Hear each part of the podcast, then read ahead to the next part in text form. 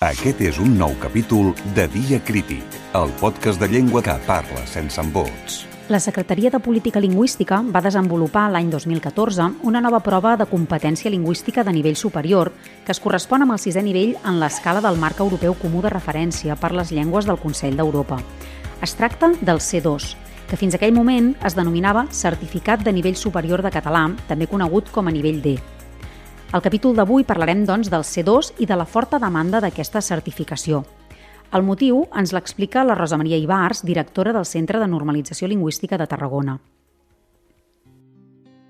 L'auge del, del C2 és molt fàcil d'explicar. De, és que és un requisit ara per la, totes les persones que es vulguin apuntar a llistes del uh, Departament d'Educació o per les persones docents que ara estan fent classe, que fins ara sempre s'havia demanat el seu i ara se, es demana el C2. Per tant, davant d'aquesta situació, sabeu que bé, els docents, no sé quantes persones hi deuen haver, però estem parlant de 50-60.000 persones afectades a tot, a tot tot Catalunya, com a mínim, eh, que necessiten aquest, eh, aquest nivell per poder dedicar-se a la docència, de l'especialitat que sigui.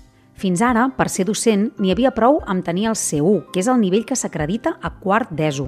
Però a partir del curs 2025-2026, Educació exigirà el C2 com a requisit d'accés a la funció docent, a la borsa de treball i per tot el personal en actiu. D'aquestes 50 o 60.000 persones afectades, la Rosa Maria Ibars ens explica com han afrontat des del Consorci aquesta alta demanda totes les institucions, no només el Consorci, sinó que les escoles d'idiomes, les eh, universitats, tothom s'ha posat les piles i s'han posat a, a, a fer cursos de nivell C2 per poder eh, ajudar amb aquestes persones a que aconsegueixin el títol que necessiten per poder treballar.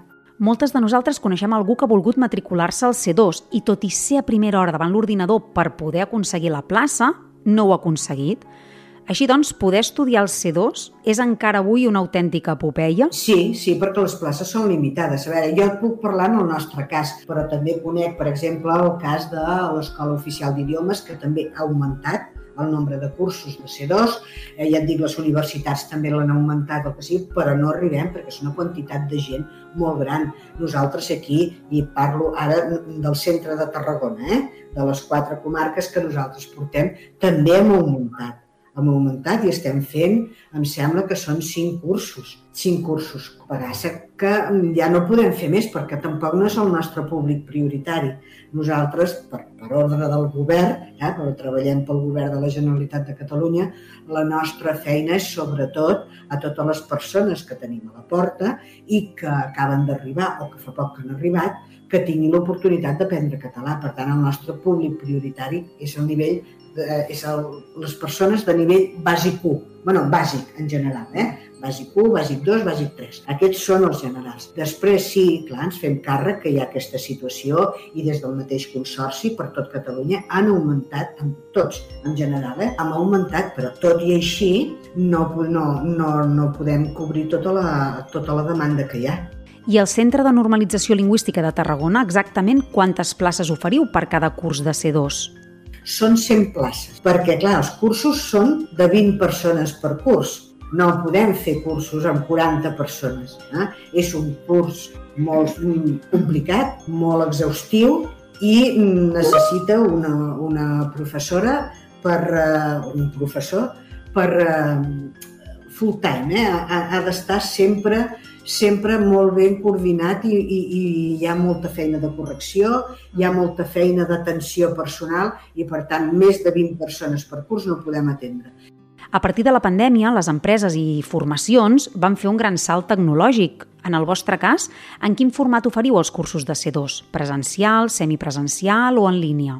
Ara només ja es fa en línia eh, perquè es considera que les persones que s'apunten en, aquest, en aquest curs tenen la capacitat eh, tecnològica per poder-lo dur a terme en línia. El que fem els, els exàmens, les proves, sí que són presencials. Dia Crític, el podcast de la llengua catalana per als qui pensen que el català té solució. Comentàvem a la introducció que abans del 2014 el C2 del català era el nivell D. Per què la Secretaria de Política Lingüística va decidir fer aquest canvi de nomenclatura? Eh, bàsicament per adaptar-se al marc europeu de referència, eh? simplement és, és per això, perquè han canviat, però el C2 és, és, seria el que abans era el nivell de, de, de proficiència i llavors ara té, és un C2 a tota Europa. Tota Europa té, eh, per aquest nivell de proficiència, té eh, l'acreditació aquesta o el nom de C2. Simplement és per això. Eh? I després, a veure, els continguts sí que els continguts també han canviat, han canviat una mica, aprofitant també aquest canvi de, de nomenclatura, doncs van canviar i es van actualitzar també una mica. Així que ara el C2 del català és un certificat de proficiència, inclús a nivell europeu. Ara que el debat polític i lingüístic gira al voltant de la voluntat que el català sigui la 25a llengua oficial europea, per què serà útil tenir el C2? Nosaltres oferim és una, una, una certificació homologada, per tant, homologada a nivell europeu, no només local, sinó que a nivell europeu. I això que deia Sara, que si el català estarà a Europa eh, i totes aquestes coses, doncs bé, exigiran, exigiran un, un C2. Suposo que hi hauran d'anar molts traductors, hi hauran d'anar persones doncs, que, que dominin, i serà al màxim nivell que hagin de dominar, eh, que hagin de dominar la llengua, igual que aquí. Passem ara a la part pràctica del C2. La Cristina Icar, que és docent del Centre de Normalització Lingüística de Tarragona de fa 14 anys, ens explica quina és la dificultat d'aquest nivell superior. Bé, dificultat no gaire, perquè ve ser un C1 estirat. El que passa que sí que hi ha una part textual més important que no passa un C1. Hi ha molts més textos per treballar, molta més gramàtica, sí, una miqueta més avançada gramàtica, però és això, no deixa de ser un C1 estirat no és tampoc una dificultat molt, molt gran. Tenen molts textos per escriure, això sí que és veritat. Eh? Els cursos de C2 tenen una durada de 90 hores i ICART ens detalla quins són els diferents formats que es poden escollir per tal d'estudiar-lo. Es pot fer en, en quadrimestral, en quatre mesos, o es, o es pot fer durant tot el curs, un curs lectiu, diguéssim, de, de setembre a, a juny, no? més o menys a maig o juny. La gent té una mica de pressa i llavors acostumen a agafar els cursos més, més curts. I quin és el perfil de l'estudiantat de C2? És gent que ja té, evidentment, té el C1, el que passa que hi ha gent que també doncs, té el C1 de fa molt. Llavors eh, tenen una mica eh, oxidat, tenen una mica el, el català una mica rovellat. Llavors, amb aquesta gent sí que els aconsellem que a banda de fer el, el C2 doncs es posin una mica al dia, perquè, clar, notes una mica que, que els falta alguna cosa, que els falta doncs, refrescar moltes coses. No? Quines són les àrees de coneixement que es treballen en aquestes 90 hores formatives? Hi ha doncs, la part gramatical, la part textual, la part de lèxic, la part oral, que també es treballa. Sí, clar, una mica de tot. El que recomana la Cristina Icart és dedicar-hi unes 8 hores setmanals i aquells que ho portin pitjor, més és clar. I ara anem de cara a barraca. Com és l'examen de C2? Hi ha una part oral que han de, han de han de defensar doncs, un supòsit que, que els plantegem, que ja s'ha treballat durant tot el curs, pot ser diferents coses, un text argumentatiu, una presentació, diferents coses. Hi ha una part escrita i, i hi ha la part gramatical, també. Uh. -huh. Lèxic, inclou el lèxic, doncs, eh, doncs tres blocs ben diferenciats sí que hi són. 200 euros i escaig, però ara que sabem la dificultat que hi ha per trobar plaça, si algú vol fer l'examen per lliure, pot? Nosaltres no, no, no ho fem, no però, fem, però la Secretaria de Política Lingüística cada any, mm. cada any de començaments d'any, obre, va obre inscripció per poder fer, per, per, per inscriure's i, i de tots els nivells, de manera mm. lliure.